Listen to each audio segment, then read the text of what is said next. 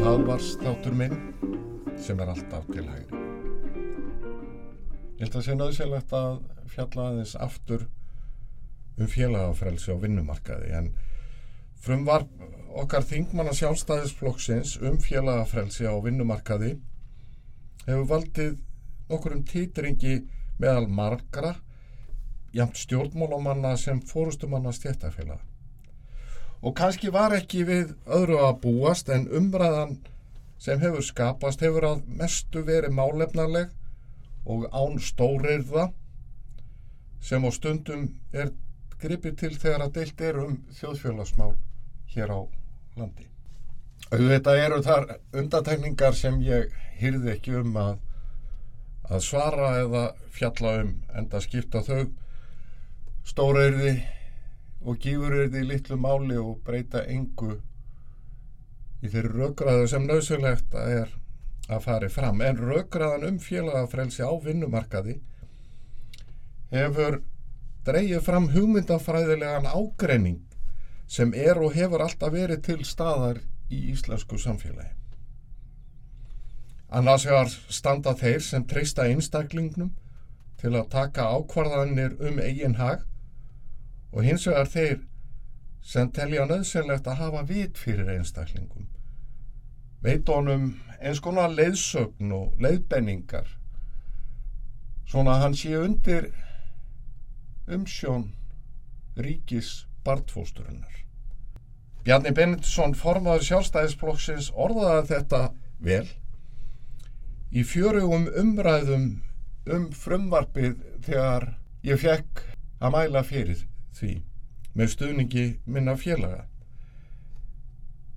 Bjarni spurði, viljum við að samfélaginu sé stýrt þannig að við hérna vitringarnir á alþingi vitum betur og tryggjum fólkinu aðvild að stjættafélagum þrátt verið að þau skilji ekki að það er þeim fyrir bestu vegna þess að við höfum komist að því hvað fólki er fyrir bestu. Þetta snýst nefnilega um svona grundvallar atriði.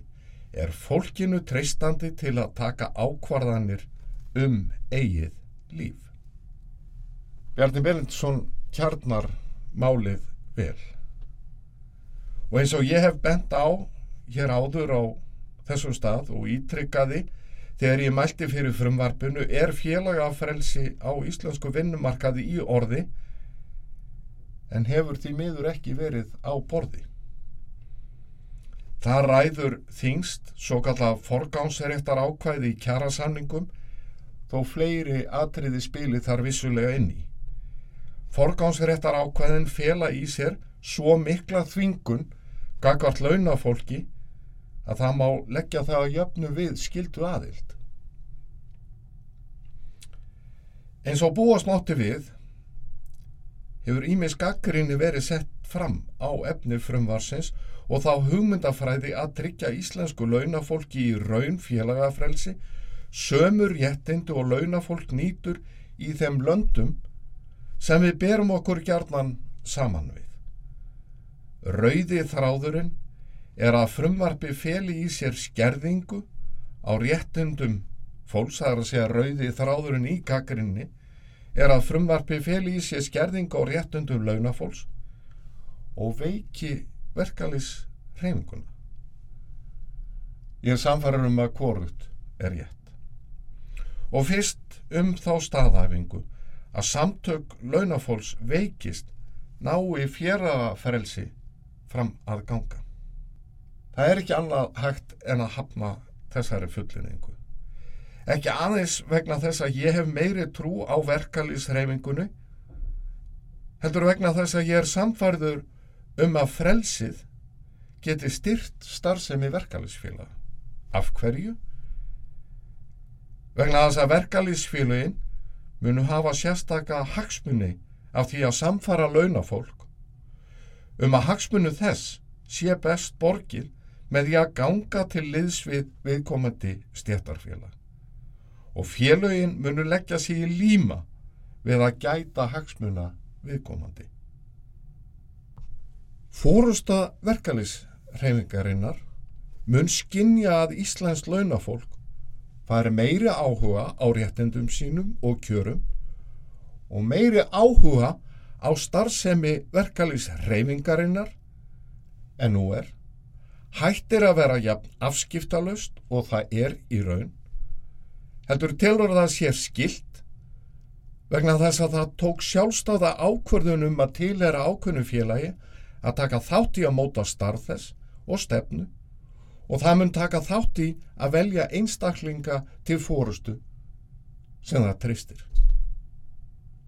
Og ég vona svo sannarlega að fórustu fólk í verkalýsreifingunni sem hefur gaggrind frumvarpið hafa ekki áhyggjur af aukinni virkni og áhuga almennara félaga á störfum og stefnu eigin stjætafélags. Að gaggrin á frumvarpið byggi ekki á óta við aukna virkni.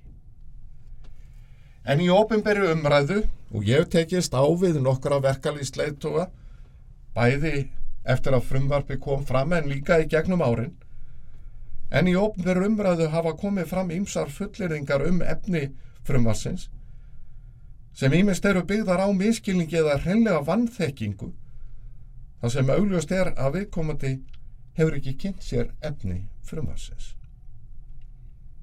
Fullinning Aturreikendur geta kosið að ráða aðeins til sín fólk sem stendur utan stjættafélaga. Þessi staðhæfing byggir á miskilingi en það kemur skipt fram í þriðjugrein frumvarsins að vinnuveitanda er óheimilt að sinna, sinja umsækjanda um laustarf eða segja launamanni upp starfi á grundvelli félags aðildar hans. Auk þess er í fjórðugrein frumvarsins mælt fyrir um skadabótaskildu vinnuveitenda brjóti hann gegn þessum ákveðum. Fullirring Launamaður getur ákveðið hvert sjúkrasjóðsgreislur fara. Ránt. Eina breytinginu frumvarpinu hvað sjúkrasjóði varðar er svo að aukin skilda er lögð á atvinnu rekanda sem hefur í förmið sér að allt launafólk nýtur sjúkratrygginga óháð stjættafélags aðild. Samkvæmt gildandi lögum er atvinnurekanda skilt að greiða í sjúkrasjóði viðkomandi stjættafélags.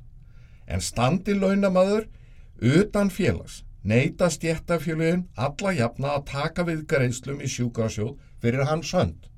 Þau eru sem sagt að þvingan með þessu að ganga í félagi. Í þeim tilvíkum er launamadurinn ekki sjúkratriður en það hefur aturreikandi sinn, sinni skildu, lögum sangvann og engar frekari kröfur gerðar til hans. En í frumvarpinu er hins vegar mælt fyrir um að við slíkar aðstæður verði aturreikanda skilt að tryggja launamannin á eigin ábyrð. Með þessu verður sem sagt launafólk á íslensku vinnumarkaði allt sjúkaratryggt. Varla er það aðför að íslensku launafólki. Fullirðing Aturreikundum verður gefið tækjafæri til að greiða launafólki smánarlun. Það verður ekkert til sem heitir lámaslun sem samið er um í kjærasamningu. Þessa fullirðingu setti einna fórustumörnum íslenskara verkalýs reyfingar fram sem gaggrína á frumvarfi.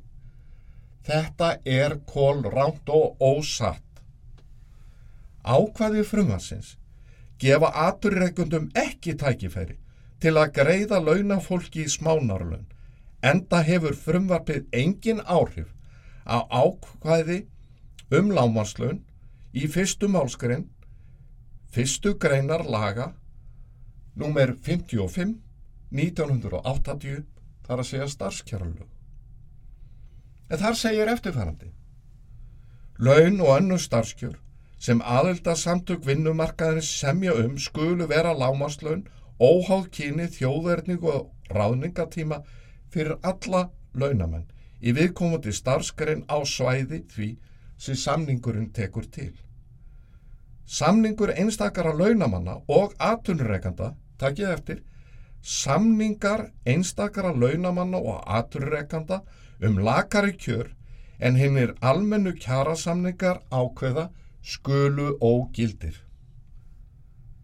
Með engum hætti er verið að hrópla við þessum skýrum ákvæðum starfskjaralaga. Lámarslaun verða enni gildi sangat kjarasamningum og það verður hér eftir sem hinga til lögbrót að greiða læri laun.